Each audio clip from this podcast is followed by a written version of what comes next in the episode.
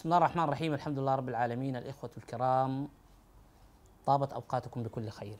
لا زلنا نتواصل عبر هذا التسلسل من مفهوم السنة وعلاقتها بوحي القرآن والسلطة التشريعية لما صدر عن النبي عليه الصلاة والسلام من قول أو فعل أو إقرار. وفي الحلقة السابقة تحدثنا عن مفهوم عصمة النبي بناء على آيات الله الواضحات لنصل إلى نتيجة أن النبي عليه الصلاة والسلام في مقام النبوة ليس معصوم عصمة مطلقة أي أنه لا يصدر منه الخطأ مطلقا هذا ينافي آيات كتاب الله سبحانه وتعالى. وتوصلنا إلى الآية من سورة التوبة وهي واضحة البرهان والدليل في أن النبي عليه الصلاة والسلام صدر منه قولا كان يخالف مراد الله سبحانه وتعالى وبالتالي جاء الوحي معاتبا له ومذكره بالملة التي كان يجب أن يتبعها في مثل هذه المواقف. قوله تعالى ما كان للنبي. وقلنا أن كلمة نبي عندما تأتي نكرة فهي صيغ تحذيرية لا تحتم وقوع الحدث. أما عندما تأتي كلمة النبي معرفة فهي عتاب لحدث صدر من النبي فعلا لأن الكلمة جاءت معرفة وتقصد النبي عليه الصلاة والسلام تحديدا. قوله تعالى ما كان للنبي والذين آمنوا أن يستغفروا للمشركين ولو كانوا أولي قربى. من بعد ما تبين لهم أنهم أصحاب الجحيم. وما كان استغفار إبراهيم لأبيه إلا إلا عن موعدة وعدها إياه.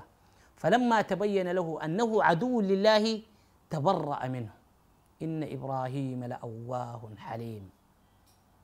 السؤال هل استغفر النبي لأحد من أقربائه وكان ينبغي له ألا يفعل؟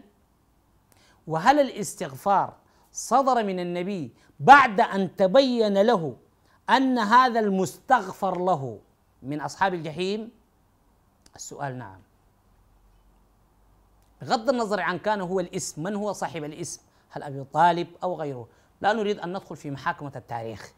نحن نقول أن النبي عليه الصلاة والسلام صدر منه استغفار لأحد من المشركين وهو من أقرباء النبي بعد أن تبين له أنه من أصحاب الجحيم. بمعنى هذا السلوك صدر من النبي بعد موت هذا الشخص. فكان النبي من حبه له ومن باب العاطفة أراد أن يستغفر له لعله يجد حظوة عند الله سبحانه وتعالى.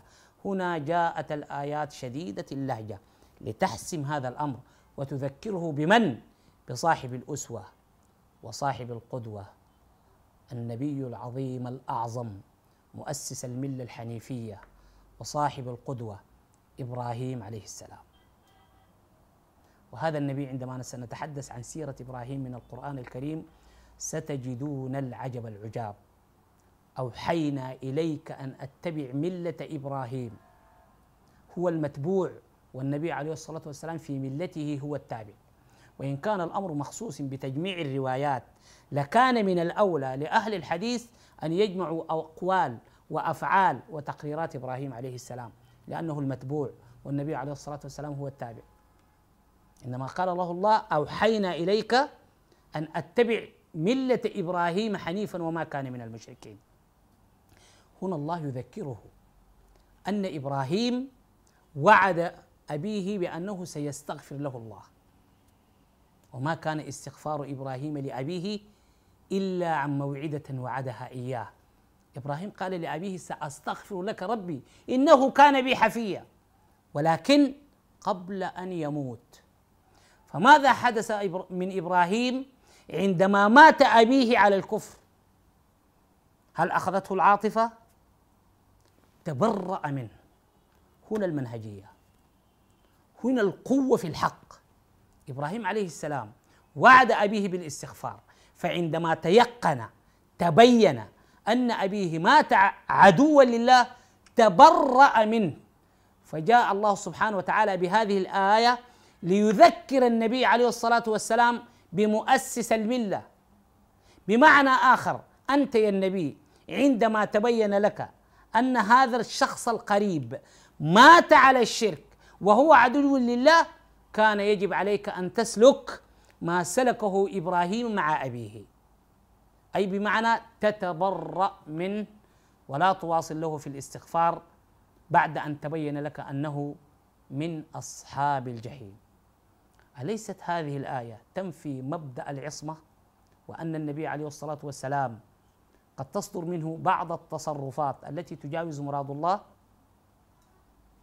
اذا أيها الأحباب حتى لا أقع معكم في مفهوم لم يقصد ومقصود لم يفهم ويأتي إلى خلدكم وظنونكم أنني أعلن الحرب على النبي عليه الصلاة والسلام. معاذ الله معاذ الله. ما هذا الذي أريد أن أقدمه لكم؟ وأن النبي عليه الصلاة والسلام هو صاحب القدوة بل وصفه الله أنه على خلق عظيم. وبالتالي كل ما جاءنا عن النبي عليه الصلاة والسلام في محور الأخلاق والقيم والسلوك فإنا نتمثله حتى ولو وضعه أصحاب الحديث في كتب الموضوعات. لماذا؟ لأن الأخلاق والقيم أصل في الدين لا يلغى ولا يتغير. يعني بطريقة بسيطة لو جاك شخص قال قال رسول الله صلى الله عليه وسلم أحبكم إلي أحاسنكم أخلاقا. ما تسأل من الرواية وين. لو صنف العجلوني في الموضوعات أقبلها ليه؟ لأن الأخلاق أصلا تخضع عبر الزمن للتراكم. لا تلغى ولا تتغير. يعني لو قعدنا مليون سنة ما حتكون إماطة الأذى عن الطريق حاجة كعبة. وما حيجي بعد مليار سنة إكرام الضيف حاجة سيئة. إذا الأخلاق والقيم أصل في الدين لا يمكن أن تلغى ولا يمكن أن تختلف.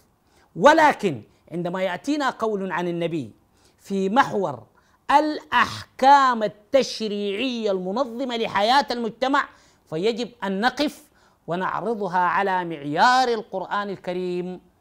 ليس للتيقن من صحة السند وإنما للتيقن هل لها من الصلاحية ما تصلح للواقع الذي نعيش فيه الآن أم أن احتمالات النص القرآني بين حدوده توفر لنا احتمالا للاختيار يكون أصوب منها هذه هي مجمل مجمل الفكرة التي أريد أن إيصالها لكم ومن الله التوفيق.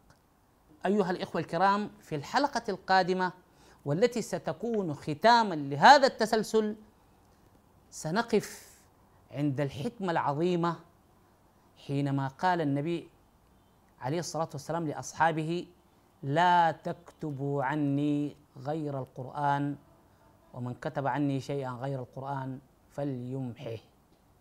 ما هو الحكمة من هذا الأمر؟ هذا ما سنتطرق له في الحلقة القادمة والأخيرة من هذا التسلسل وفي هذا الباب. إلى أن ألتقيكم أترككم في حفظ الله ورعايته. السلام عليكم ورحمة الله تعالى وبركاته.